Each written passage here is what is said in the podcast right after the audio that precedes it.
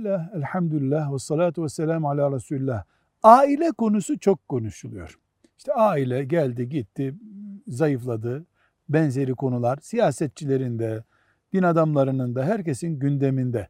Biz bir Müslüman olarak mesela bir kaynana, bir kaynata olarak çocuklarımızın evlerinde veya kendi yuvamızda, komşularımızda ailede gidişatın sakıncalı olabileceğine dair ön işaretler tespit edebilir miyiz? Ederiz tabi. Boşanma konuşuluyorsa bu bir ailede, boşanma konuşuldukça, gündem yapıldıkça demek ki ailede sıkıntı var. İki, aile bireyleri arasında ilişkiler zayıflıyorsa, mesela babalar çocuklarından, çocuklar babalarından, annelerinden, kardeşler arasındaki muhabbetten veya eşler arasındaki muhabbetten söz ederken bir zayıflama dikkatimizi çekiyorsa hastalık belirtisi demektir.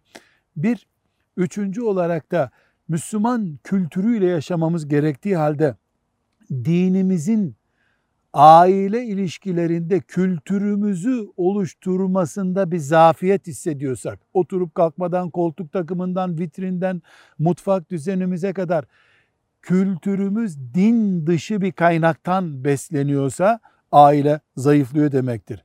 Dört, ailede israf, normal, mubah yaşantı haline gelmişse, mesela üç yılda bir defa kullanılmayacak bir şey bile zaruri ihtiyaç gibi algılanıyorsa, aile özünü kaybediyor, yedek parça kullanıyor demektir. Beşinci olarak yabancı kültürlere, ümmetten olmayan dış kültürlere eğer kör taklit ailede başlamışsa zayıflık çökmede başlamış demektir.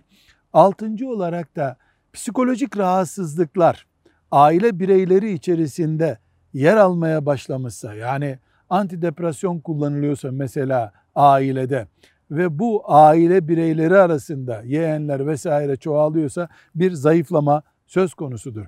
Yedinci olarak da diyoruz ki aile büyükleri, dedeler, neneler, babalar, anneler, kaynanalar, kaynatalar Allah'ın onlara verdiği değerin altına düşürülüyorsa, bir baba demokratik vatandaş hakları düzeyinde evde duruyorsa, baba geldiğinde çocuklar hareketlenip ayağa kalkmıyorlarsa, anne geldiğinde, dede geldiğinde, nene geldiğinde bu ümmet düzeyinde e, kalite kaybı söz konusu demektir. Son olarak 8. maddede de diyoruz ki kadın annelik ve eşlik misyonu dışında bir misyonda kullanılmaya başlanmışsa aile çöküş işaretleri veriyor demektir. Bir aile için bu kuralları uygularız, toplum için uygularız, sonuç aynıdır. Velhamdülillahi Rabbil Alemin.